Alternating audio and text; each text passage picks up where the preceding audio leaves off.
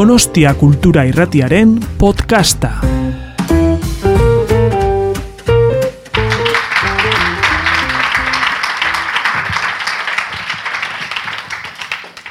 Hola, buenas tardes. Iba a preguntar si me oye bien, pero creo que, que sí, que reverbera suficientemente.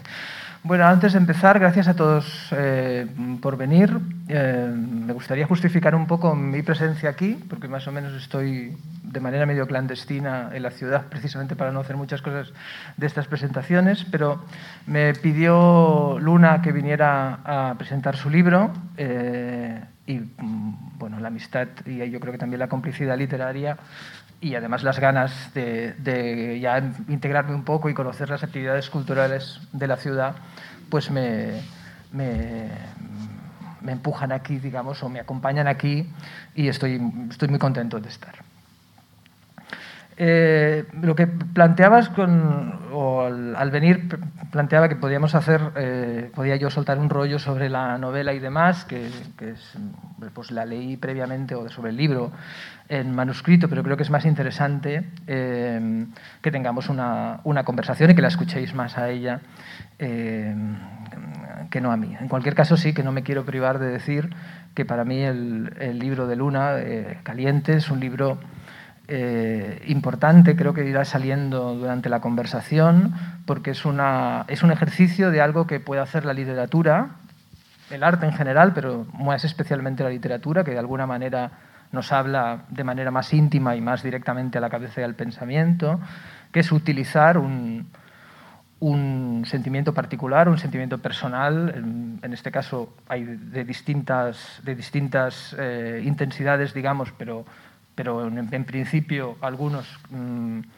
digamos, unas pequeñas desgracias personales, o vamos a llamarlo así, y convertirlos no solamente en, algo eh, literario, sino que a través de los textos literarios no solamente restañar o analizar esas heridas eh, de un punto de vista personal, sino que a través de la literatura y a través de, de, las páginas que cita y de las que escribe, que nos sirvan a los lectores que hemos pasado por situaciones personales o que no hemos pasado por situaciones parecidas, eh, para hacernos compañía y para hacernos eh, pensar en nuestra propia vida y en nuestras propias experiencias. Porque finalmente la literatura mm, no es un señor que habla una señora que habla desde un libro y una persona pasiva que escucha, sino es una conversación, una conversación muy rara porque el escritor o la escritora, o la escritora y el escritor habla primero y luego se va.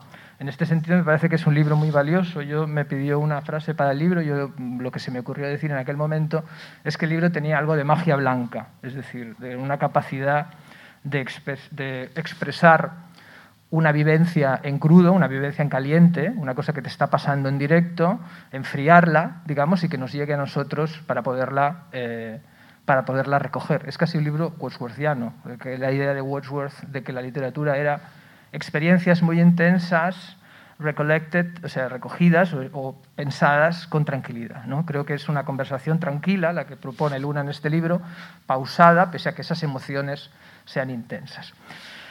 Bueno, yo lo que, lo que quería plantearte era eh, hacer un poco de recorrido por tu trayectoria, que son ya 10 años, aunque nos llevamos como unos cuantos años, eh, casi casi empezamos más o menos a publicar al mismo tiempo.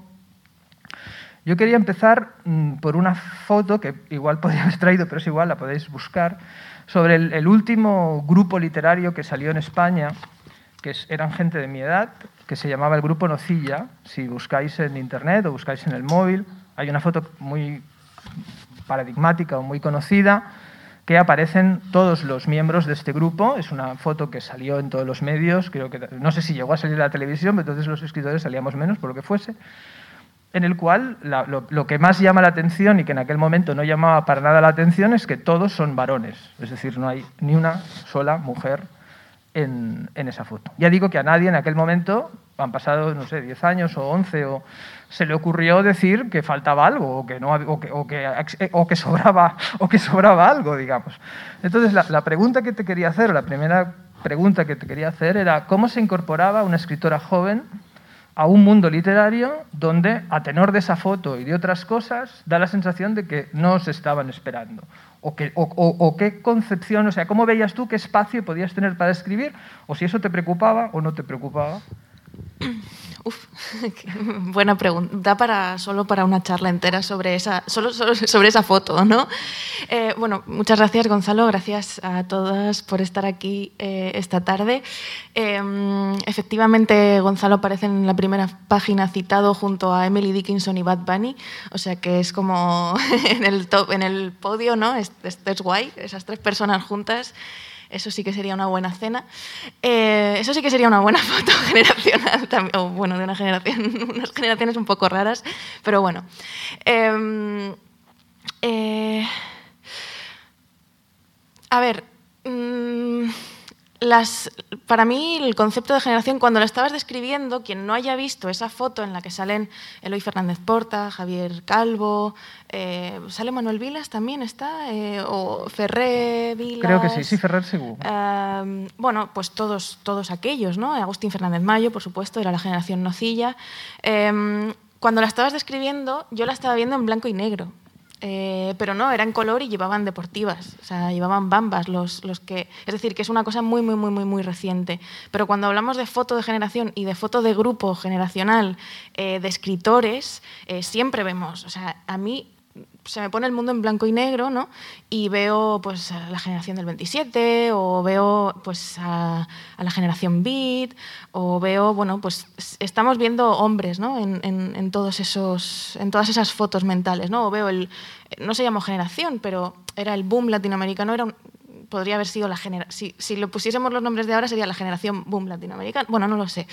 El caso es que primero la mente se me pone en blanco y negro, después solo veo em, hombres y además hombres blancos, cisgénero, em, heterosexuales la mayoría, y además em, cuando, cuando ya si mi mente fuera un ordenador y pudiera ponerle la lupita ¿no? para ir más, más, más, más, más, más, en los píxeles vería a las mujeres de esos hombres, vería a las editoras de esos hombres, vería a las madres de esos hombres, a las hermanas, a las criadas, a las limpiadoras y a, y a todas las personas que pudieron hacer que esos hombres pudiesen escribir. ¿no? Es decir, que para mí el concepto de generación, después de mucho pensarlo, siempre, siempre, siempre está asociado a un grupo de colegas de machos.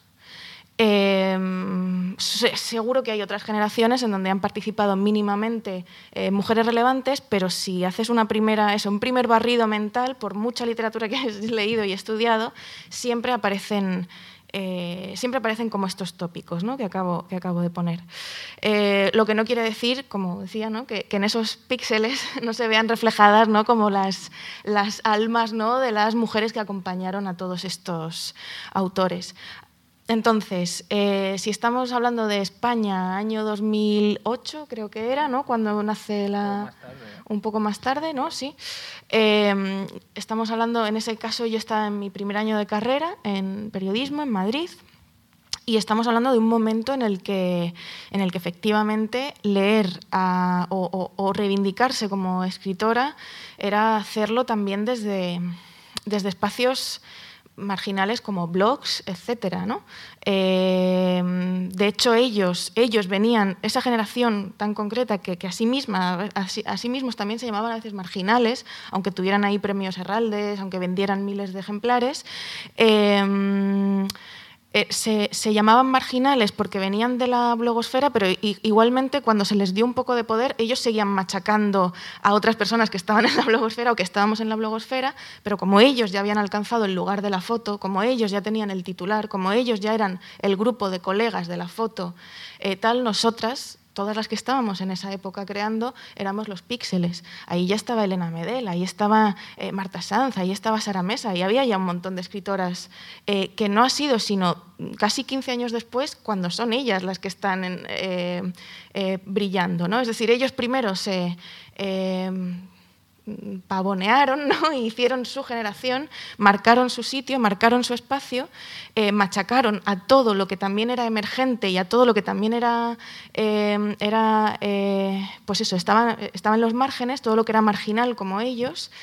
Y, y, no ha sido hasta muchos años después que toda esa gente que estaba creando a su alrededor, todos los que salían pixelados, todo, esa, toda esa, esa bruma que se podía intuir entre los píxeles, es, ahora cuando, cuando se nos ha dejado sitio, curiosamente, después de mitos, después de, em, de, la explosión mediática del feminismo, etc. ¿no?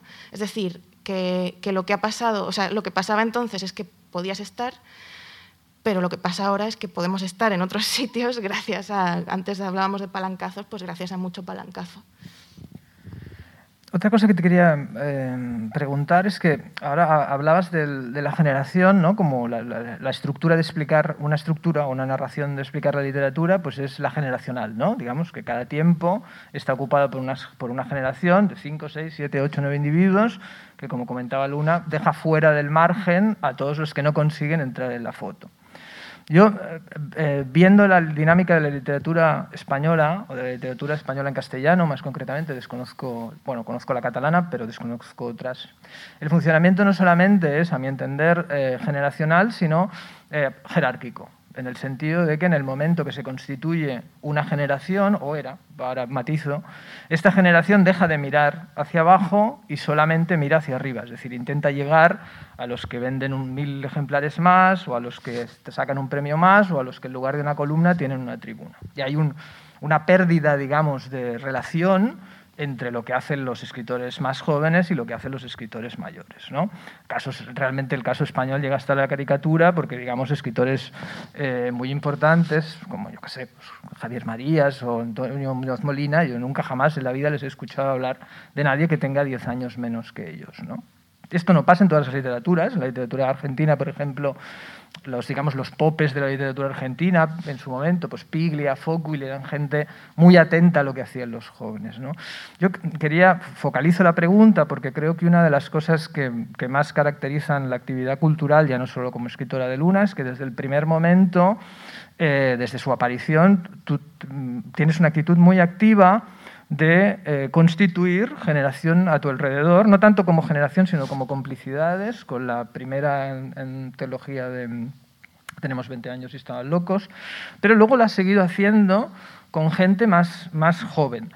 Entonces, quería preguntarte dos cosas alrededor del rollo este. Uno, si ves la literatura más como una relación de complicidad que no de competencia, digamos, competencia en el sentido de que una vez estoy dentro de la foto me olvido de lo que he hecho para meterme en la foto y ya no ayudo a nadie, y, ya no solamente en, el plano asociativo puramente estratégico, sino si crees que hay algo también, que a veces te lo he escuchado leer, de pensar en grupos, es decir, de, una circulación de, las ideas. la doble pregunta, digamos. Sí, eh, no, desde luego. O sea, eh, no, sé, no sé con quién. Bueno, durante la promo de Caliente he estado, pues he hablado con mucha gente y hemos hecho varias presentaciones y no recuerdo en cuál salió esta idea de,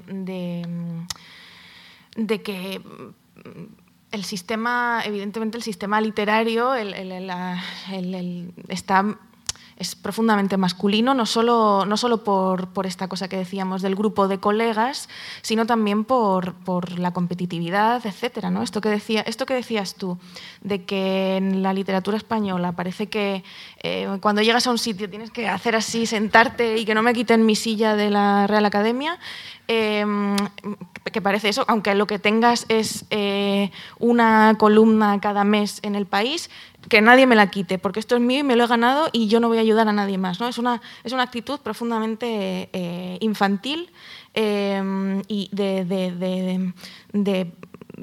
pues eso, ¿no? De no saber compartir, de no saber eh, pensar en común y, profundamente mm, macho, ¿no? O sea, es una mentalidad muy, muy, muy macho, ¿no? Esto es mío, esta es mi casa, esta es mi mujer, que nadie me lo quite, ¿no? Pues eh, como si, eh, como, como si todo, todo alrededor fueran posesiones por las que hay que pelearse a navajazos, ¿no? Básicamente, ¿no? entonces, si, si, si, pensamos así en la literatura, es que no estamos pensando en la literatura, es que estamos pensando en nosotros mismos eh, y ya está, ¿no? Y en nosotros mismos como mm, escritores, ¿no? Pero no estamos pensando en la literatura, no estamos pensando en, en, la fluidez de las ideas, no estamos pensando en compartir, no estamos pensando en que evidentemente puede haber gente que lo haga mejor que nosotros en cualquier campo, ¿no? Eh, esa es otra cosa que se ha inculcado mucho, ¿no? No sé si por el tipo de suplementos literarios que, que hemos estado leyendo toda nuestra vida, ¿no? En donde se selecciona siempre lo mejor de, esto es lo mejor de de tal, este es el mejor libro de tal, este es el libro de la semana que es lo mejor que hay y por el que vamos, ¿sabes? O sea, tenemos, es como competitividad por todas partes, ¿no? El libro más vendido de el, tal, que, no es solo una cosa de, España, ¿no? Que es, que algo que está en, todas partes, ¿no? Y que hemos comprado malamente de, Estados Unidos también, ¿no? El, el, número uno de venta en este pueblo, ¿no? En plan... Eh, parece que hay que celebrar siempre victorias que son estúpidas, que son numéricas, que son eh, egocéntricas ¿no? Y, que son, y que no nos hacen ver eh, los temas que estamos tratando, los temas sobre los que, eh, sobre los que escribimos y las... las y, bueno, y las dinámicas horrorosas ¿no? que, que, repetimos en una profesión como la nuestra, que de por sí se supone que somos más abiertos y que somos más listos y que deberíamos ser más cultos que el resto, ¿no? Que esa es otra cosa, ¿no? Que nos creemos más cultos que el resto y a lo mejor no lo somos tantos, ¿no? Aunque tengamos todas las novedades de Alfaguara en casa, a lo mejor no somos tan listos, ¿no? Em, y digo esto porque eh, efectivamente, yo creo que una de las cosas más interesantes que nos ha dado eh, la reflexión eh, feminista o de los feminismos es la, la posibilidad de hacer de hacer redes, de hacer eh, y, de ser y de sentirte útil aunque, aunque no sepas hacer nada. Quiero decir, em, esta, esta, posibilidad de ayudarse los unos a los otros, de entenderse, de charlar, de conversar, de pensar en común y también de no tener miedo a equivocarse. Em, yo, yo, es lo que más he aprendido leyendo desde que hace cinco, más o menos hace cinco o seis años, decidiera intentar leer el 95% de los libros escritos por, eh, por, mujeres y de ese 95% también una buena parte también de reflexión y de crítica y de, eh, eh, y de crítica feminista, sobre todo para, para, para también poder poder saber qué estaba haciendo yo, ¿no? porque yo lo estaba haciendo, esto que decías tú de, tenían 20 años, o de la antología Sangrantes, ¿no? sobre la menstruación que publicamos en 2012, o todas esas pequeñas redes que hacíamos de, blogueras, de escritoras que nos conocíamos por internet y nos ayudábamos las unas a las otras, eh, todo eso era un poco también de manera inconsciente, no había tampoco, no, era, no había un sistema tampoco detrás, no había una, en mi caso no había teoría detrás, yo nunca había estudiado eh, nada eh, al respecto, ¿no? es algo totalmente autodidacta. ¿no? Eh, pero sí, yo creo que responde a esos dos males toda esta acción que está habiendo ahora. Y por supuesto, creo que sí que creo que hay redes de apoyo y sí que creo que hay...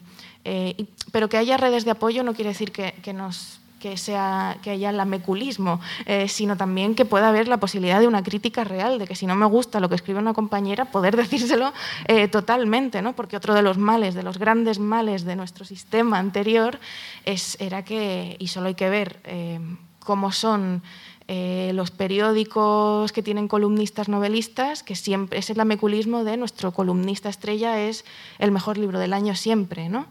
entonces, jope, si estamos pensando en si estamos pensando en pensar, valga la redundancia, si queremos pensar, si queremos crear, si queremos escribir, si queremos hacer literatura, hagamos literatura, no hagamos redes de contactos eh, para eso, ¿no? para poder quedarnos en nuestro sofá tan tranquilos y llevarnos la paguita cada, cada mes, ¿no? la paguita, que es esa palabra que, que, nos dicen tanto ¿no? a, a nosotras y que la única paguita que conozco es eso, la que tienen los que están en el mismo sitio desde hace eh, tantos años y sin soltar prenda. Luego volveremos al sistema literario porque es divertido. Pero antes eh, me gustaría hacerte una pregunta sobre, sobre cocina literaria, aunque también tiene un aspecto, digamos, de orden más, más no sé si político, bueno, sí, político o, o de política cultural.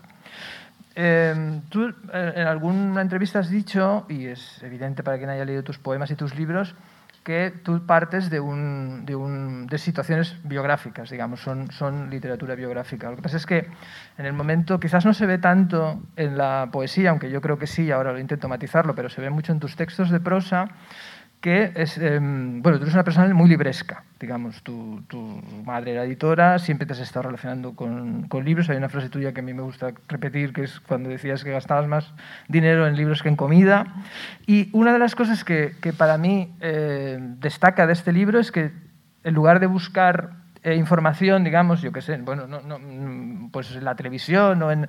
estás, entras inmediatamente en diálogo eh, con los libros. Es decir, en ese sentido decía yo que las, las, experiencias están vividas eh, de manera eh, en caliente, sangrantes, y en, el, verbo que quieras, pero no hay una voluntad, digamos, a mi, a mi juicio, porque sé que o sea, hago crítica destructiva de cosas que he leído, no hay una voluntad de orden exhibicionista, sino de orden aclarativo. Es decir, tú estás partiendo de lo que ha pasado, lo que, de la situación que sea, ¿no? Pues cuando, no sé, los poemas que tienes sobre la muerte de tu madre, la muerte de tu abuela, partes de eso, pero no estás, no estás haciendo sensacionalismo desde mi punto de vista, ni un exhibicionismo eh, para dar, sino que estás haciendo arte, por un lado, es decir, elaborando literariamente eso, pero me llama la atención como estrategia tuya que inmediatamente te pones a dialogar, es decir, no te centras solamente, ¿no? No se centra solamente en su experiencia como si fuera la única que ha pasado por esa experiencia, cuando es una experiencia colectiva, ¿no? Es decir, una separación, la muerte de un ser querido, y al mismo tiempo, que esto es, es, el mecanismo habitual de los libros perversos, que es que hacen pasar como experiencia única lo que es una experiencia colectiva, y al mismo tiempo, al no dar la voz a nadie más, da la sensación de que son los representantes de esa situación.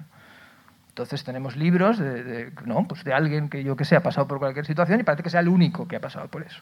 Entonces yo creo que tú desactivas ese juego en el diálogo con los libros y me gustaría que me comentaras eso. Y, hago una segunda pregunta, porque va al hilo y así no, no te hablas más rato. Eh, ¿Hasta qué punto eh, no, ves tú si... si bueno, que, que esas acusaciones de exhibicionismo suelen ser más a las mujeres que habláis de esto que no a los varones. Es decir, hay una especie de épica de la confesión masculina, es decir, que si yo me pongo a explicar eh, mis, ni siquiera, me, pongo a explicar mis cosas de manera que sean mis miserias, va a parecer que estoy haciendo una cosa muy épica y en cambio, ¿cuántas veces cuando lo hace la mujer? Pues es un exhibicionismo, son ganas de llamar la atención, se prescinde totalmente de la capa Exagero, pero no creo que exagere tanto. Creo que lo que estoy diciendo es bastante así. Es que de repente me he visto como muy, como muy, arriba, pero es que me fastidia un poco esto. ¿No? Como si se prescindiera de todo ese trabajo literario. Puede que hasta te quedes corto, ¿eh? incluso. ¿no? bueno, esta era la pregunta, nada tendenciosa. Pero em, sí, hace, hace poco eh, también con, con otro periodista hablábamos de de que, de que muchas veces... Eh, bueno, es que creo que hay como muchas cosas para poder explicar esa, esa tendencia a, a, creerse el único que ha escrito sobre algo. ¿no? Normalmente, una, una, de las cosas que intento, que intento no volver a hacer eh, como crítica o como periodista o incluso como editora es esta frase de hace del yo algo universal. Eh, cuando a mí me parece que ah, tal vez después de leer tanta literatura confesional y tanta autoficción y, tanta poesía que parte de las experiencias del propio poeta y, bueno, es que el género lírico prácticamente es, eso, es decir, es, eso. Em, desde Safo, Catulo, etcétera. lo que decíamos antes, ¿no? Em, mm, ¿Por qué, ¿Por qué nos molesta una poeta que diga con quién se acuesta cuando todos sabemos cómo follaba Catulo, ¿no? y nos lo contaba ya hace muchísimos años, ¿no? Eh, de, la manera más eh, descarnada posible. Bueno, el caso es que, me preguntaba yo también si acaso em, eh, e, ese proceso, ese, proceso que, hemos machacado tanto, ¿no? De qué bueno es esto porque hace del yo algo universal, ¿qué pasa si es al revés, ¿no? ¿Qué pasa si hacemos de lo universal? Porque joder, una ruptura, eh, yo narro un desenamoramiento, ¿no? Entonces, un desenamoramiento, hay algo más universal. O sea, ¿cuántas veces nos hemos desenamorado o desencantado o hemos roto relaciones amistosas o amorosas o de lo que sea, ¿no? Eh, ¿qué, hay más universal que una ruptura, ¿no? Eh, mm, también yo me pregunto si, si el verdadero trabajo no es hacer del yo algo universal, sino de hacer de lo universal algo propio, no, no para ser la única persona, partiendo de la base de que no eres la única persona que ha vivido esa experiencia y que la, va ni que la vas a contar de la manera más eh, esplendorosa que exista, sino partiendo de la base de yo, o sea, esto es universal, el desamor es universal, cómo, voy a analizar cómo lo he vivido yo y cómo lo he leído yo, y, creo que esa es la manera más o menos original o más o menos que... Mm, Em, genuina ¿no? que, yo puedo, que yo puedo plasmar en un, en un, libro. ¿no? Es decir, hacer el, el trabajo contrario a lo que me han dicho que debe ser mi trabajo, porque siempre me han dicho, siempre se me ha dicho, siempre se nos ha dicho con todo el tema ¿no? de la poesía confesional, Silvia Plath, eh, Anne Sexton y todas estas, ¿no? siempre es, son buenas porque hacen del yo algo universal. No, lo que cuentan ya es universal, pero lo que hacen es bajarlo al yo de una manera excelente. Em, es eso para empezar, ¿no? darle una vuelta también a, esas lecturas que hemos, asumido, eh, que creo que hemos hecho mm, relativamente mal durante mucho tiempo. ¿Y por qué las hemos hecho mal? Pues porque lo femenino nunca lo hemos considerado universal. Porque la menstruación nunca la hemos considerado universal, porque la, eh, además una parte muy determinada de lo femenino, además, ¿no? Eh, porque la maternidad no lo hemos considerado universal, porque el amor, eh, porque el, erotismo contado desde el punto de vista femenino no lo hemos considerado universal. Por eso era del yo a lo universal. por eso parecía que el gesto, que lo que tenía que romper el yo era el cristal, el techo de cristal del universal, cuando es al revés, eso ya es universal, es que el amor ya es universal. Lo que te está haciendo esta escritora es contártelo de, de su, a su manera a través de sus investigaciones y a través de sus experiencias. ¿no? Es el camino contrario. Y esto a mí me parece que eso, que durante mucho tiempo lo hemos, eh, lo hemos olvidado. Y esa fórmula un yo que se vuelve universal me parece que, ha terminado siendo perversa. ¿no? Eh, y es algo que yo he utilizado en mis reseñas de libros sobre cuestiones eh, de escritoras, eh, lo, he, hecho muchísimo y es algo que me estoy corrigiendo, ¿no? porque me parece, que es un callejón sin salida, ¿no?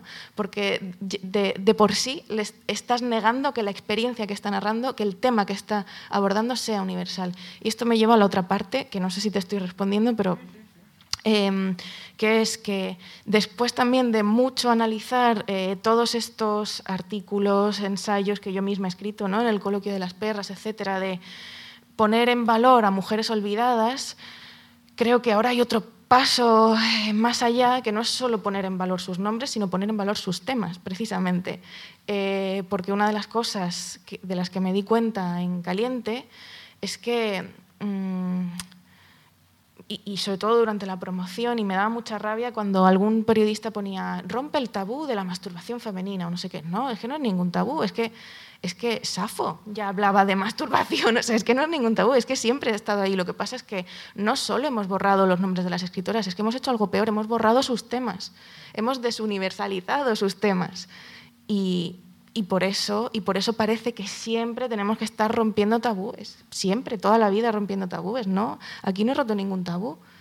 Lucía no ha roto ningún tabú con su novela. Ella está haciendo una, eh, ella está hablando de una serie de cuestiones que, de las que los escritores y las escritoras llevamos hablando toda la vida, pero lo está haciendo a su manera. Em, y yo creo que esto, bueno, esto como lectores y desde la academia y desde el sector editorial y desde, desde nuestra propia casa íntima, eh, tenemos que ver también eh, cómo, leemos y cómo a veces generamos también lenguaje perverso alrededor de eh, la, lectura de mujeres. Bueno, súper interesante y, al hilo de lo que dices se me ocurre una cosa, que es que estoy de acuerdo en que el tabú no existe, pero si se, y, que el motivo es que se han borrado no solamente las mujeres, sino sus temas, pero lo que sí que existe es el cerco. Me explico. Eh, ahora igual esto suena un poco marciano a, la gente más joven, pero había un espacio en los periódicos, en los suplementos y en la crítica, quizás el único espacio para que las mujeres escribieran, con alguna excepción. Es decir, toda generación pues, tenía pues, Ana María Matute, tenía pues, em, eh, Carmen Martín Gaite, pero en general mm, el sitio de las escritoras era una especie de sistema mm, mítico que era la literatura femenina yo creo que la literatura femenina, que tenía una serie de características, ¿no? pues que tenía que ser intimista, tenía que ser em, em, pues, mm, no sé, bien escrita, eh, florida y demás. Claro, el asunto con esto es que se crea un cerco de expectativas, que no sé si está reblandecido o no, pero que ya las escritoras de mi generación ya no hacen nada de todo eso. O sea, si escritoras, si tú coges la, escritura de Sara Mesa, hay muchas que sí lo hacen porque saben que tienen ese espacio allí, ¿no? Pero Sara Mesa, Elvira Navarro están, están hablando de, pues, bueno, de, relaciones psicológicas complicadas, están hablando de sus cuerpos, están hablando de la competencia social, están hablando de la depredación eh, erótica, digamos, están hablando de un montón de, relaciones mm, de trabajo perversas. Eh, llegáis los de, un, los digamos, 10 años menos, pero más o menos estáis en esta horquilla y seguís hablando de cosas que, claro, lógicamente habláis de lo que os da la gana, no habláis de la literatura femenina. Eh, pese a que sigue vivo. ¿no? Hace poco, no sé, pilla un escritor más o menos de mi edad diciendo que el cuerpo de la mujer no existía en la literatura. Digo, bueno, este hombre nos ha perdido 15 años de, literatura escrita por mujeres. Entonces, aparte de este rollo, la pregunta es doble. Eh, ¿Tú crees que sigue actuando? Evidentemente, no, o sea, lo, bueno es que pasáis absolutamente de este asunto y escribís de lo que os da la gana. la pregunta es, seguís eh, la boca singular porque como te veo a ti que tú también, eh, pero hacéis estas, eh, o sea, lo tenéis presente al escribir y, y, lo, y lo, seguís viendo como, ¿sabes? Como en términos freudianos, casi como la resistencia y que cuando sacáis ese libro, eso va a ser lo que va a recibir la crítica, que se van a escandalizar, ¿no? Porque luego están las series, están las cosas, pero de repente lo escribe una mujer, una mujer escribe con cierta agresividad, ¿no? O con cierta, ¿no? ni siquiera agresividad, porque es que no es ni agresividad, ¿no? Pero, y, aunque lo fuera, claro. Sí, por eso, es, decir, sigue vivo eso, que claro, ya no se puede decir en público, pero creo que como fantasma de expectativa y luego de lectura crítica, sí. Sí. Hombre, sigue vivo en la mirada necia, ¿no? Eh, quiero decir que sigue vivo en el que si quiere seguir viendo ahí esto es literatura femenina. De hecho, una de las cosas que más me gusta y que más de, las que más orgullosa me siento también como autora y, agradecida con mi editora María Fasce es publicar en Lumen, que es un sello en el que cuántas veces hemos dicho el sello de las mujercitas, tal, porque publica, claro, porque ahí publica Elena Ferrante, Virginia Woolf, las señoritas que toman té, ¿sabes? Virginia Woolf, ojo, ¿sabes? O sea, no me jodas. Es como, eh, porque, o sea, hemos reducido un sello de color blanco como un vestido de novia, eh, hemos reducido un sello importantísimo donde se han publicado a mujeres importantísimas durante 60 em, años, porque cumplió 60 años justo el año pasado el sello, lo hemos reducido a literatura de señoras y despectivo, y yo lo he hecho, en el pasado lo he hecho, ¿no? Eh, de decir, uff, esta editorial solo publica a señoras, qué aburrido, eh, qué guay soy, porque leo Mondadori donde solo hay tíos, bien, ¿sabes? Es como, no. Em, claro, acaba, tú misma como mujer joven en esa época acabas cayendo en las mismas tonterías, ¿no? Que, que, aprendes ¿no? de, tus, de tus colegas, no sé si para ganarte un espacio o porque realmente te lo crees, te lo crees hasta que de repente empiezas a leer y dices, ostras, em, qué, tonta he sido. ¿no? Em, entonces, digo esto porque, porque eso, me siento muy orgullosa de poder estar en la casa de las señoras eh, me encanta, o sea, las adoro a todas y me encanta formar parte de, ese catálogo. Y por otro lado, eh, sí que creo que es algo que está ahí siempre, ¿no?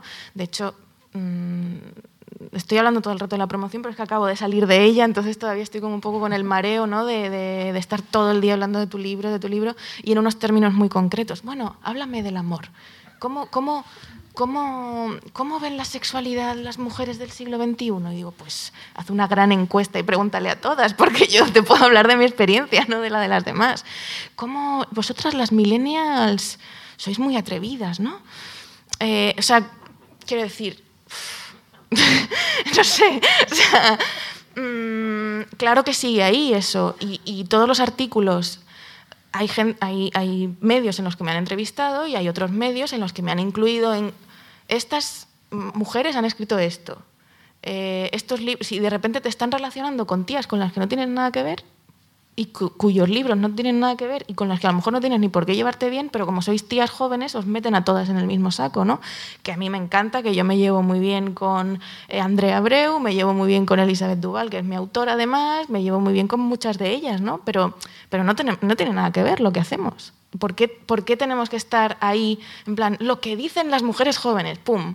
Y ya como has publicado ese artículo, ya te has quitado el espacio, ya, ya has puesto lo que tenías que poner y la reseña se la vamos a dedicar al Señor, claro, porque es el libro importante del mes. Esto no. que no digo que todo el mundo tenga que hablar de mi libro, joder, pero, pero, si lo haces, hazlo bien, no, no me metas en un, eh, para salir del paso, ¿no? en, un, en un espacio dedicado a lo que han dicho las chicas este mes.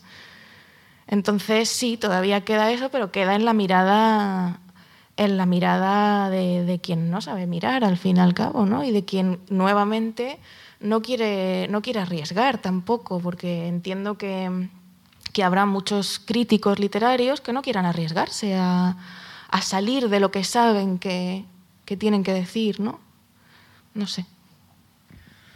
Bueno, y a, y a pensar las cosas de una en una. A mí, como heterosexual blanco, todo esto, la única vez que me he sentido metido en un grupo fue cuando traduje, se tradujo Divorcio en el aire al inglés, entonces me convertí en autor latino y me hacían preguntas de autor latino.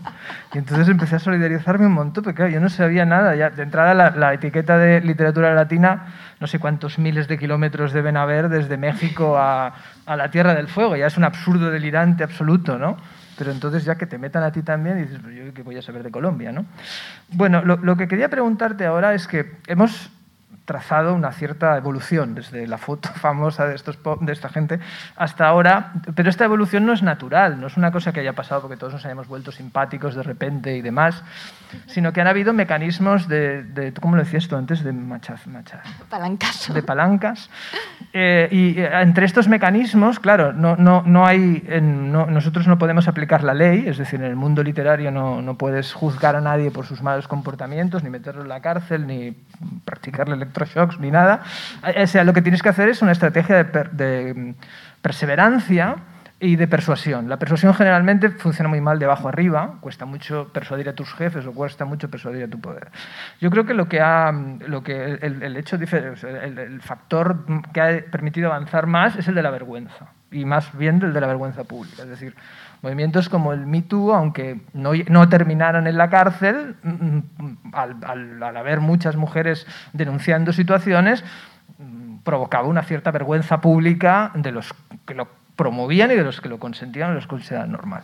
Yo no sé si en, el resto de España ha funcionado, pero en Cataluña había el On son las donas, que donde están las mujeres, que iban contando los actos públicos y entonces te dabas cuenta de cosas que no se te habían ocurrido nunca, pues, pues que no se puede hacer un acto público igual de 20 y todo de 20 señores. ¿no? Y eso sí que he visto que afecta. Yo recuerdo ahora dos casos espectaculares.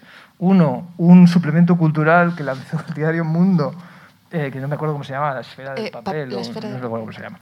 Creo, creo que la llevaba Antonio Lucas o alguno de estos. Y, y, el primer número no había una sola mujer. Un poco más y tuvieron que retirar el número. Bueno, me parece que no existe el suplemento, ¿no? pero, pero son cosas que antes pues, pues o eran normal o, o, o era, daba igual, pero claro, ahora no se puede. ¿no? También hubo como un congreso de columnistas, que es el sitio más menos atractivo de ir en principio, pero bueno, era un, un congreso de columnistas y tampoco había una sola mujer. Entonces, claro, estas cosas antes pues daba igual y si alguien protestaba, pues ¿qué? ¿Qué quieres? Venir a nuestro... Estás buscando ¿no? un, un, una silla o demás. Claro, bueno, es más una explicación, pero ahora viene la pregunta. Eh, ha sido muy efectivo, es decir, el, el sistema de la vergüenza funciona, y, incluso cuando tienes cuando no es de mala fe que tienes un despiste y dices bueno yo estoy pues tengo que llamar y al final ya lo haces te quería preguntar por eso por la efectividad del sistema de vergüenza y por esto que me comentabas antes y que te he leído alguna vez de la reconciliación no del, del que me parecía muy interesante. Sí, a ver, bueno, esto eh, yo creo que es, que son cosas tan evidentes. Es como, ¿por qué nadie le ha dicho al Edmundo Val que madrileños por Edmundo es una vergüenza? Pues lo mismo con el, la esfera de papel, ¿no? ¿Cómo podéis sacar en 2020 era? O 2000, finales de 2019, un, un, un, o sea, ¿cómo podéis sacar un, suplemento literario en el que no hay nada de ninguna escritora ni de ninguna traductora? O sea, es que parecía hecho a propósito. Es que además, es que ni, aunque lo intentes ahora te podría salir eso. O sea, es que tú te vas a una mesa de novedades y cuando publican ahora muchas, se están publicando a muchas mujeres, se están recuperando a muchas mujeres. Hay muchas traductoras, hay muchas editoras. Es que, es que hay que ir, hay que ser muy, muy, muy, muy, muy, un francotirador muy, muy, muy letal para, para hacer ahora mismo un repaso a las novedades editoriales y que solo se te ocurra hablar de tíos. O sea, es, es, es increíble. Y que solo haya además periodistas hombres eh, participando ahí, ¿no? O sea, es que es de chiste, ¿no? O sea... Mmm, me he perdido con esto. Pero sí, o sea... Más del, después del Me Too, tú creías que tenía que haber una especie de... Sí, claro, claro, esto Em, ahora, o sea, yo creo que es muy, muy efectivo, ha sido muy efectivo durante mucho tiempo eh, todas estas acciones. Eh, evidentemente los, los hashtags eh, duros y difíciles que hemos tenido han sido muy efectivos. El, de, mm, el de las columnistas se lo, se lo inventó, lo empezó María Sánchez, que era el de... Em, también, también hay... No, también hay mujeres columnistas o algo así. Y bueno, pues, pues esto durante mucho tiempo creo eso, ¿no? que ha sido muy, muy, muy productivo, muy efectivo y sirve para denunciar públicamente algo que, eh, que en realidad todos estamos viendo, pero parece que si no que encima es que parece eso, que si no haces ruido y se te suma mucha gente, parece que estás tú sola con esa, con esa lucha. ¿no? A, mí recientemente me pasó una cosa, que es que un tipo eh, me puso Luna y el coma, poetisa, dos puntos, no sé qué. Y, le pedí que cambiara el titular porque me parece una palabra, un insulto ¿no? que, denigrante y además no quiero que me llamen así. Eh, es, una palabra pues, que ya hemos explicado mil veces, ¿no? por cuáles son las cosas que están mal de, de ese término. Y, y RQR, el periodista, pero, es que la RAE, pero es que no sé qué, pero es que tal, ¿no? Y no fue hasta que de repente se unieron, como tú también creo que retuiteaste, tal, como que se unió mucha gente a decir, es que se dice poeta, es que no sé qué, cuando ya el tío eh, reacciona, ¿no? Es decir, por un lado están muy bien todas estas cosas en grupo, ¿no? Todas estas cosas en estos hashtags tan multitudinarios, pero por otro lado también da rabia porque te acabas dando cuenta de que la denuncia tú sola no la puedes hacer de que siempre tienes que estar en grupo, eh, siempre a, la manada la tienes que combatir con mucha más manada. ¿no? Es decir, es, imposible que te crean a ti sola, es imposible que ese periodista te cambie el titular, y estoy hablando de un titular, no de una violencia de otro tipo. Eh, es imposible que te cambien el titular porque tú se lo pidas. Tiene que sumarse mucha gente con el hashtag se dice poeta para que te cambien ese, eh, esa palabra. ¿no? Entonces, claro, yo me, preguntaba estos días también. Que qué podemos hacer en este clima, ¿no? En este clima tan, em, tan, pesado, ¿no? En el que hay que trabajar tanto, tan a diario para, estar tranquilo en redes sociales o en tu propia eh, exposición pública como escritora. Em, pensaba también en, qué, en, podíamos hacer a partir de ahora para encontrar lugares, eh, lugares también de consenso, lugares de reparación, lugares de tranquilidad. Eh, porque, porque luchar todos los días está muy bien, salir con la escopeta todos los días está muy bien, pero también hay que encontrar lugares eso, de tranquilidad para seguir escribiendo, ¿no? porque al final nos acabamos convirtiendo también en, en, policías de, nuestra propia, de nuestras propias causas a veces. ¿no? Y esto yo creo que, no sé si mi quinta de escritoras vamos a acabar muy quemadas también de estar no solo trabajando precariamente y escribiendo más precariamente todavía, sino también luchando precariamente contra todos estos ataques eh, en redes sociales. Pues yo, una pregunta más y, damos paso al público si quiere preguntar algo. Eh, tú has llevado una, una tarea, eh, no sé si se podría llamar sistemática, pero como mínimo sí consciente de recuperación de, de escritoras y de, y de sus obras. Em, claro, venimos de tiempos realmente horrorosos y muy oscuros, ¿no? El otro día que era murió Caballero Bonal, ¿no? Salían unas páginas de su biografía de Caballero Bonal, que en un seminario estaban Damaso Alonso, que es como un pope de las letras, y su mujer, que creo que se llama, se me ha ido ahora Figueras, creo que se llama, ahora no recuerdo el nombre de ella, pero por lapsus. Y ella le discutió no sé qué, algo en público, y él se levantó, le dio una bofetada y le dijo sentar.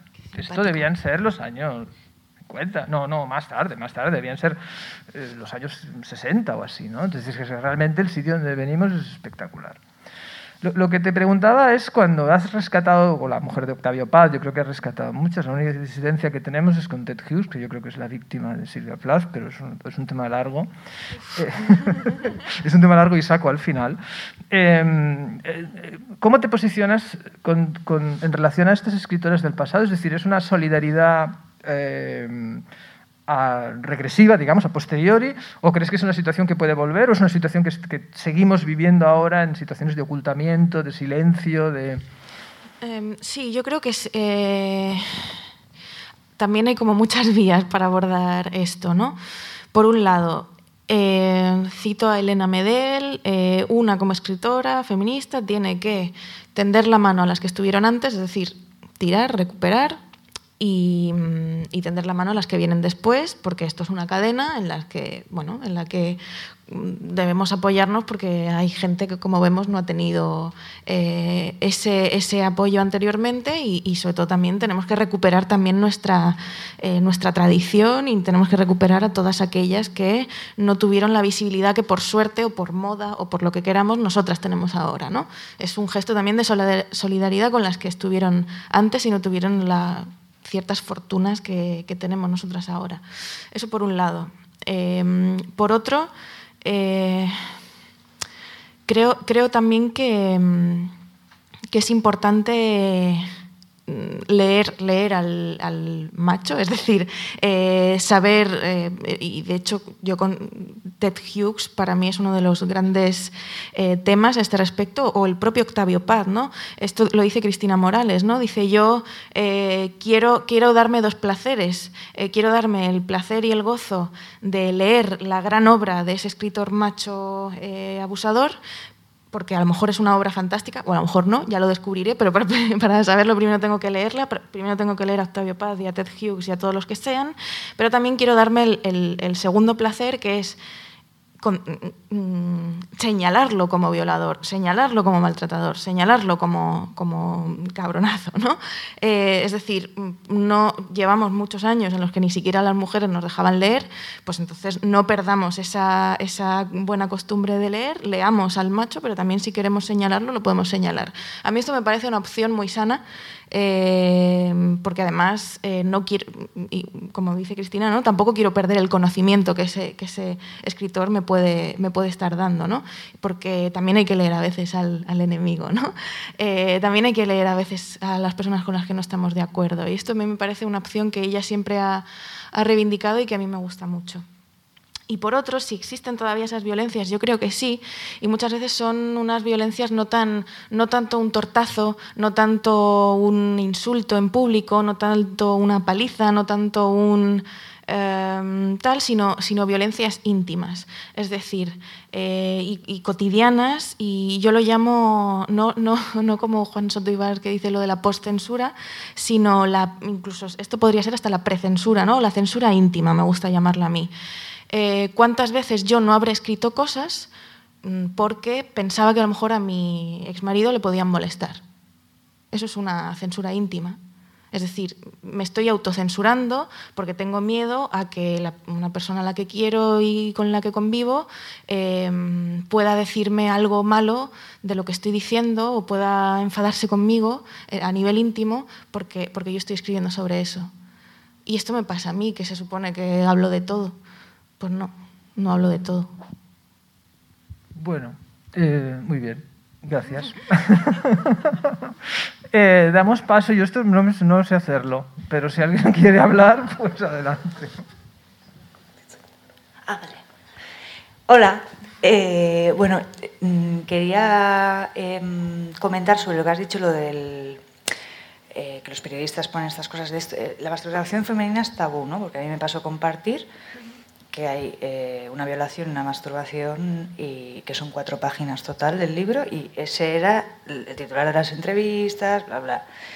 Y yo sinceramente no creo que esta gente no sepa que eso ya no es tabú, sino que hay un periodismo vago y anquilosado y, que, y, con fórmulas que, que saben que, que haces clic, ¿no? Y, pero que no, yo no creo que esta gente sepa que, que no sepa, que, que sea inconsciente de que esto no, no es tabú. Y luego también me pasó que yo, que, que, yo estaba, venga a decir esto en presentaciones, de decir, oye, es que está como que tabú, pero en, que, pero que, pero que en qué época estamos, tal y igual. Y luego venían eh, mujeres más mayores a decirme, oye, que a lo mejor para, para ti y tus amiguitas no, pero para nosotras sí, y está muy bien leerlo y tal. Entonces, bueno, eso, nada, quería compartir, eso. No, totalmente. Eh, claro, el, problema del periodismo vago, de clickbait, perverso y tal, que también lo conozco bien porque he trabajado muchos años en un medio viral, eh, que además decir medio viral después del COVID es como realmente pone en su sitio lo que éramos en Playground. Em, bueno, el caso es que eh, me parece también que precisamente el periodista a lo mejor sabe de sobra que eso no es real, pero sí que le está mandando un mensaje a un público mucho más amplio que sí que va a pensar constantemente ¿no? que, eso es real ¿no? y, que, mm, y, que, ese tabú sigue siendo tabú. ¿no? Es decir, si, si tú como periodista no te, ni siquiera te crees lo que estás diciendo, estás también dándole un mensaje a, un lector amplio que ni siquiera conoces, eh, que es que parte de una mentira, ¿no? O sea, esto a mí me genera mucho conflicto por, por eso. Y luego lo que decías también de las generaciones es, es muy interesante porque, porque realmente eh, una de las cosas que, que, yo quería intentar con, con, Caliente es demostrar eso, ¿no? Que, que es que mmm, lo que es de lo que yo estaba hablando no era, no era ningún tabú porque ya en el 50 y no sé cuántos, Marvel Moreno lo dijo en su novela no sé cuántos, porque ya en el siglo XIX eh, las lesbianas estas de París lo decían en sus poemas y no sé cuántos, y porque ya en Grecia había, eh, pues, o en yo que sé que son los Juegos Florales, ¿no? Eran pues estas competiciones de, poesía erótica en Roma, ¿no? Quiere decir que, que, es algo que siempre, eh, que siempre ha estado ahí, pero lo que, a lo que no... O sea, eh, escribirlo no era un tabú, el lo que había era una censura para consumirlo y para leerlo y para poder hablarlo en la intimidad, que no es lo mismo. Entonces, eh, está muy bien este comentario que decías, ¿no? De lo de las generaciones, ¿no? Pero también es verdad que, mm, que nosotros también quiero, o sea, evidentemente nosotras como escritoras en una determinada posición tenemos una posición privilegiada y hablamos desde un lugar privilegiado eh, y, no, está, no está mal tampoco ¿no? como ir adaptando el discurso también a, distintos, eh, a distintos públicos, pero igualmente para mí el problema no es, o sea, el tabú no es hablar de la masturbación en un libro, porque eso se ha hecho toda la vida, sino que el tabú está instalado en, en, lo íntimo, ¿no? como decíamos, ¿no? Está, está instalado en el día a día está instalado en determinados lugares, que es a lo mejor donde uno puede llegar eh, y, y, donde, y donde también esa, esa, conexión, que es el periodista, debería a lo mejor ser más honesto y no hablar de el gran tabú roto, tal, no sé cuántos, sino directamente, ¿por qué no poner la literatura? o sea, ¿por qué no poner una cita del libro? ¿Por qué no poner, es decir, ¿por qué venderlo como algo peligroso cuando a lo mejor lo puedes contar de una manera mucho más amable, mucho más lúdica, mucho más llamativa, claro, em, y, que, y que se integre en la conversación pública? No, no, no prevenir en plan, esto, te vamos a hablar de un gran tabú y no sé qué, entonces la gente para la que eso siga siendo un tabú va a seguir siendo un tabú, ¿no? Eh, porque el tema no está insertado en la conversación pública de la manera correcta. Sigue dándonos vergüenza, seguimos hablando de sexo con el jijijojo y con el, eh, y con el miedo ¿no? al que dirán, etc. Hola.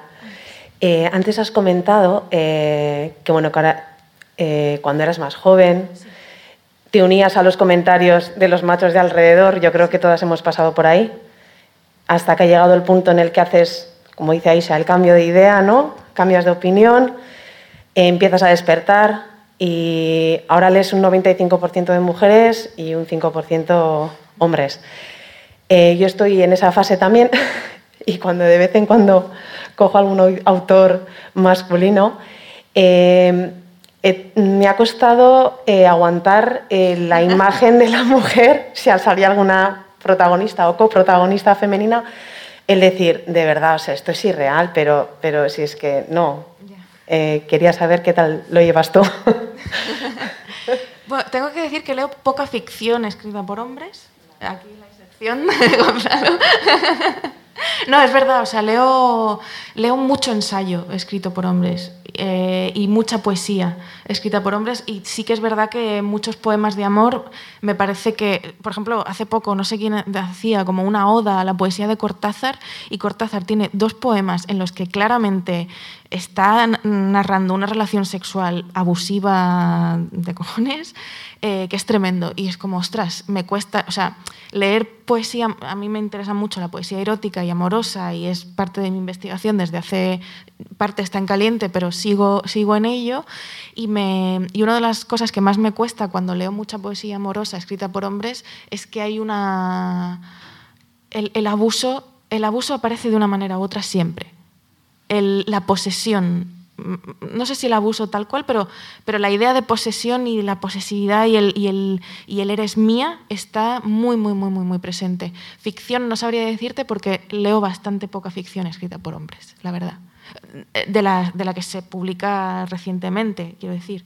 Em, prefiero, cuando compro libros, pues prefiero últimamente apoyar a novelistas, si novelistas jóvenes o poetas jóvenes, prefiero apoyarlas a ellas últimamente. Lo siento por ellos, pero también creo que, que, el mundo está preparado para que ahora mismo para que ellos tengan más visibilidad, entonces yo prefiero comprarlas a ellas. Mi pregunta es, ahora que bueno, ¿no? el movimiento feminista, se, se publican un montón de libros con temática feminista, las mujeres también, bueno, pues hay muchísima más visibilidad en, el papel, ¿no? Eh, se supone que esto es una moda o, se queda. ¿Qué, ¿Qué, se espera de esto, no? Y que se acabe también y que deje de ser una moda va a significar que se instaure para siempre y que esta ranciedad literaria se acabe. Pregunto. Muy buena pregunta eh, y aquí voy a responder como editora. Eh, bueno, o como, bueno, como todo, como yo. Em, yo. Una idea que pensaba siempre es, nos han abierto la puerta ahora que está de moda, pues vamos a reventar las putas paredes. Eh, vamos a, ahora que se puede, eh, y ahora que tenemos cierta influencia, vamos a intentarlo. ¿no? Por ejemplo, yo estoy muy contenta de que algunas de las autoras del Coloquio de las Perras, que salió en 2019 el libro, en septiembre, donde hablo de Elena Garro, de Marvel Moreno, de Rosario Ferré, de repente en Alfaguara las están reeditando. No sé cuánto haya tenido que ver eh, la semilla que hemos plantado muchas al respecto, sé que sí, o sea, evidentemente no, nace de la nada esta, esta recuperación, eh, pero me parece importante, eh, o sea, me parece que es es el momento, ¿no? y al menos que estos nombres vuelvan a estar en librerías, que porque no lo estaban a lo mejor desde los 70, pues es, bueno, ¿no? y que estén en los suplementos y que, estén en, eh, y que puedan instalarse ¿no? en nuestros, incluso en la academia, etc. ¿no? Eh, me parece que es un momento que hay que aprovechar, ya que, se ya que estamos de moda, ya que vendemos, ya que nos utilizan, pues vamos a utilizarnos nosotros también a, estas, estas, herramientas ¿no? para, eh, para intentar hacerlo bien. El problema también es que también lo estamos haciendo mal. A mi juicio se publican muchas tonterías sobre feminismo también y muchos libros muy nocivos y muy de un feminismo endeble, blanco, eh, de eslóganes mm, que, ni siquiera son útiles ya y que ni, lo eran hace años, ¿no? Es decir, que también, hay, también está eso, ¿no? Eh, y eso es parte del, de que esto sea también en parte una moda editorial. Eh, entonces hay que tener mucho ojo, hay que tener mucho criterio también. Por eso, por eso también es, es, es bueno leer. o sea, esta decisión de leer eh, solo a mujeres durante un determinado largo tiempo de mi vida no es solo para, por, por, joder a los autores hombres, sino, sino también porque, para aprender y para aprender qué temas hay, qué, visiones hay, qué, eh, mm, miradas hay dentro de los feminismos qué, eh, y, y, cómo afrontar el futuro también, ¿no? cuando, cuando dejemos de estar en el eh, este año, por ejemplo, entiendo que habrá habido un peso mayor de libros sobre virus que sobre temas eh, feministas, por ejemplo. O ahora, por ejemplo, hay muchos libros de tema antirracista, pero me parece también que, que, el feminismo también es eso, abrir la puerta a otras luchas, no solo a una, a esta tan determinada. ¿no? Entonces, no sé, eh, yo creo que eso, ¿no? Que ya que nos han abierto una, parecía que nos habían abierto una puerta pequeñita, ¿no? Como la de Alicia en el País de las Maravillas, chiquitilla, pero vamos a, vamos a tirarlo todo y vamos a seguir escribiendo y leyendo y recuperando, ¿no? Que es, en mi caso, lo, lo único que sé hacer. Yo voy a coger un poco el testigo de Inés y, y quería plantear también, eh, que ya va a ser un poco como muy genérico y muy utópico y muy tal, eh, y claro, por, más que nada porque llevamos años de, literatura, al final Gonzalo escribe un libro y, escribe de lo universal, yo me puedo sentir identificada desde lo que escribe Gonzalo, eh, seguramente habrá muchos más hombres que no le pasen lo mismo desde cuando tú escribes, ¿no? O sea, porque al final no sé qué pasa, qué le pasa a muchos hombres que no se pueden sentir identificados con los problemas de la vida en general que pueda llegar a tener una mujer. El planteamiento de este es qué tiene que pasar para que eso cambie. Pues mira, aquí voy a, voy a hablar de la novela de Gonzalo. Eh, una cosa que me gustó mucho de la presentación eh, fue principios de 2020, ¿no? La del corazón, sí. Eh, después de haber leído el libro, donde hay muchos personajes femeninos muy potentes que se masturban además y que, y que, eh, hacen cosas, eh, es que mm, un gesto, o sea, tiene que ver y no tiene que ver, pero, pero un, o sea, hay una cotidianidad femenina dentro de su novela y, una de las cosas que me gustó de la presentación en Barcelona con Ignacio Echevarría, incluso si eran dos hombres blancos de mediana edad sentados y hablando de literatura, es que hablaron de, muchas escritoras ¿no? y, de, cómo le había influido, por ejemplo, a él la lectura de, pues, de Lucía, de Ana Pacheco y de, y de otras autoras. ¿no? Esto a mí me pareció un gesto importante, un gesto bonito. Eh, y sin embargo, cuando luego he leído todas las reseñas de su libro, donde él creo, claramente ha hecho un esfuerzo también para leer autor, autoras más jóvenes que él, que han tratado temas eh, que tienen que ver con el cuerpo y la feminidad, eh, y que eso aparece brutalmente en algunos capítulos muy fundamentales del libro, las reseñas todas tenían que ver con la parte política y con la parte económica, que también es muy importante en el libro, pero nadie, na, a nadie se le ocurría hablar de, los personajes femeninos y de cómo estaban retratados y de cómo eh, tenían un orgasmo sus personajes femeninos. Es como, o sea, incluso en un novelista que hace el puto trabajo de, que no hacen otros de, de mostrar eso y de, y de investigar sobre eso y de ponerse en una situación, entiendo que incómoda, de, de ponerse en el de poner a personajes, eh, hablar de experiencias que él no ha experimentado porque no, no es una chica de 20 años. Eh, encima que hay un novelista que hace eso y que creo que lo hace bien, no porque sea mi colega, eh, la crítica, las entrevistas, tal, todo se centra en el problema de Cataluña, no sé cuántos, bla, bla, bla, no sé qué. Y es como, mmm, es que hasta cuando está no se quiere ver eh, hasta cuando está el, el, trabajo contrario no se quiere ver. Entonces es normal que, que cuando llegan, eh, bueno, no es normal, porque de repente llegan a, a, mi libro donde yo hablo de literatura, no hablo, o sea, hablo sí, hablo, cuento tres veces, hay tres masturbaciones mías, las cuento las tres veces. Pues toda la prensa se centra en cómo Luna se masturba o cómo Luna se enrolla con su mejor amigo en el libro. Pero no, y, y todos me preguntan, uy, ¿qué tal, qué tal con, con tu amigo Ernesto? Uy, bien, bien. ¿Sabes? O sea, me preguntan esas cosas y no me preguntan por la parte de la literatura. Y, por, el análisis profundo que hago, creo que medio profundo, de la, de la historia de la literatura erótica escrita por mujeres. Si yo hubiese sido Gonzalo, a lo mejor me hubiesen preguntado por la historia de la literatura, pero como soy Luna, me han preguntado que si Ernesto besa bien. ¿Sabes? Que lo hace, pero...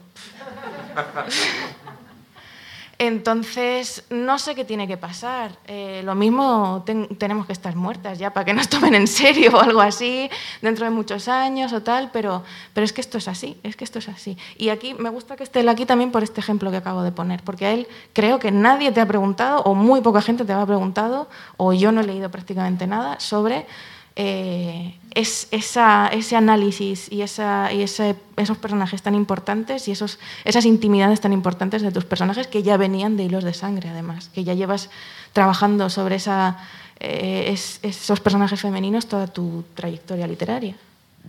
Bueno, gracias por los elogios. Eh, es, es, yo, creo que sí, que codifican. Es decir, de la misma manera que hay unos cercos eh, de literatura femenina, y efectivamente lo que tiene que contar una, una, chica es cómo se enamora y yo qué sé qué le pasa, y, y en el momento que hay... Eh, también pasa con, con, con, lo masculino, digamos, que hay una serie de temas que son la política y la economía y lo demás medio molesta, ¿no? Pero bueno, sí, no, no quiero extenderme mucho. Yo, en, relación a lo que preguntaba la, compañera, yo, creo que la, no sé si el feminismo es una moda editorial. Lo que sí que no hay vuelta atrás es con la puerta que abre la literatura escrita por mujeres en los últimos tiempos. Es decir, tú puedes leer una novela de Joseph Conrad y ahí salen unos negros que son unos salvajes y, no sé qué les, y él no sabe qué hacer y dice el horror, el horror.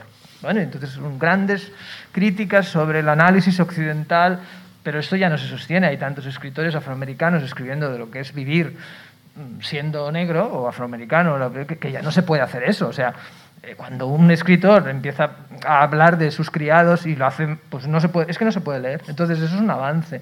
Y lo que decías tú antes, ¿no? Si, los escritores masculinos o varones siguen escribiendo como si las mujeres fueran colibrís, de esos que salen en las cosas de Neruda y que le van a hacer a los cerezos, que no sé qué les pasaba a Neruda, realmente no sé qué le pasaba a Neruda.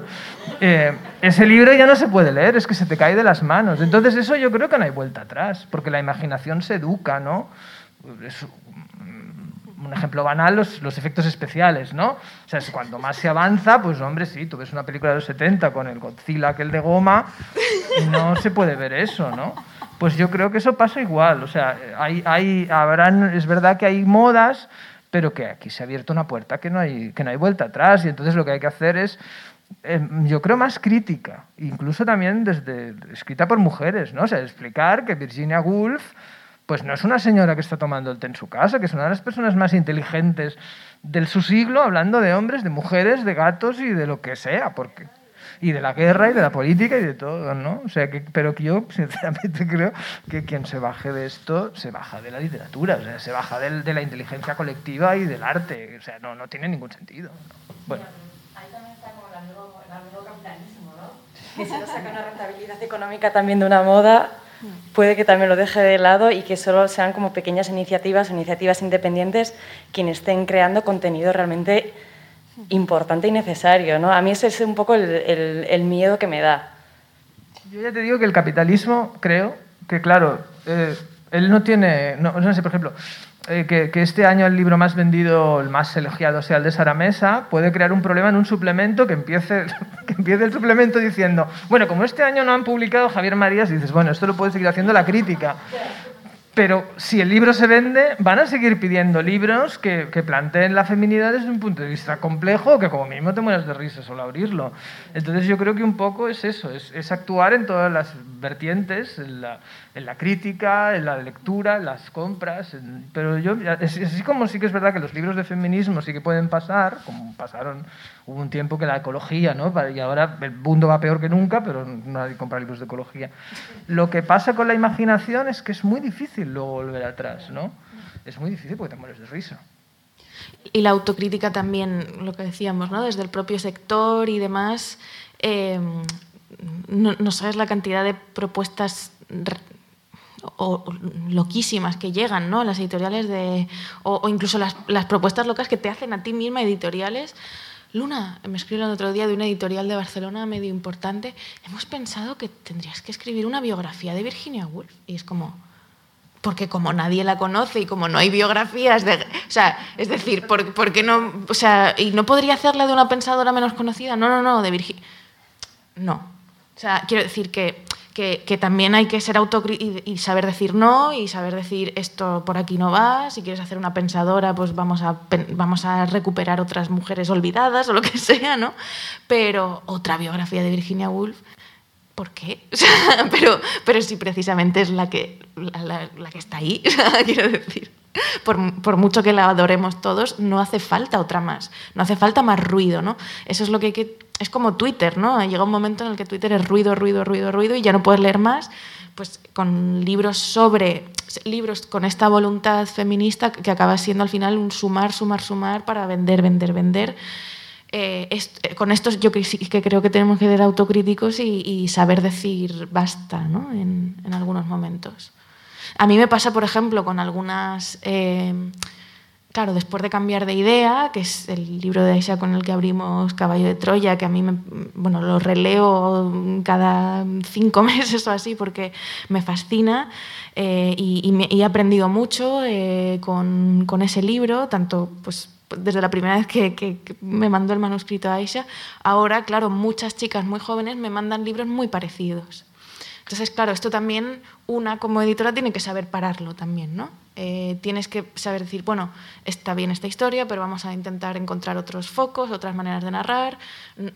Eh, no solo, hay que, no solo la crítica tiene que ser, mm, como dice Gonzalo, eh, no solo hay que ser debemos ser críticas nosotras también eh, y, ganar esos espacios y comentar los libros desde, esa, desde ese punto de vista, sino también creo que desde el mundo editorial, ahora además que todas somos, que, las, editor, las grandes editoriales, casi todos somos mujeres, tenemos que también saber poner esos frenos, ¿no? Eh, porque, porque si no acaba siendo la misma manera masculina de editar que teníamos antes, pero con los temas feministas. Sí, buenas. Quería preguntar, a ver, ¿qué tal la experiencia en el programa de lados deslenguados? Que tenía así un, un espacio y comentabas, depende del tema, pues también palabras micromachistas o de este tema, el feminismo y demás. Bueno, lo primero, Sailor Moon siempre bien. me gusta tu camiseta.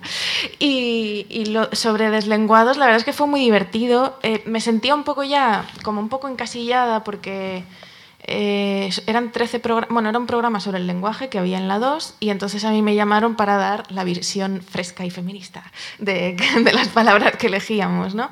Que, que a mí me gustaba, lo que pasa es que ya llegaba un momento que se me hacía eh, muy repetitivo, ¿no? porque realmente a toda palabra que me proponían se le podía encontrar esa vuelta de tuerca. ¿no? Básicamente me proponían una palabra tipo, pues yo qué sé, tierra.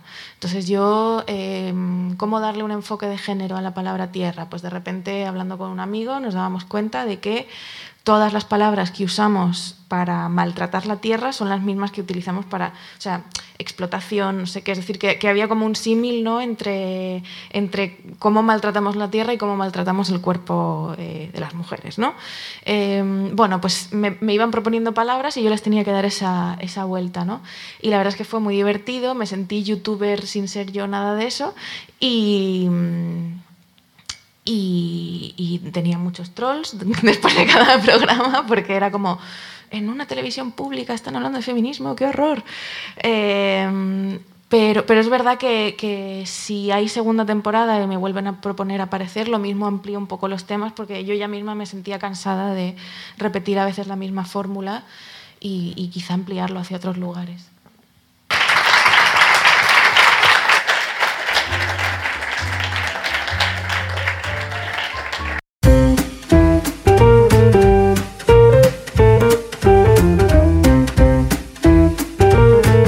Donostia Kultura Irratiaren podcasta.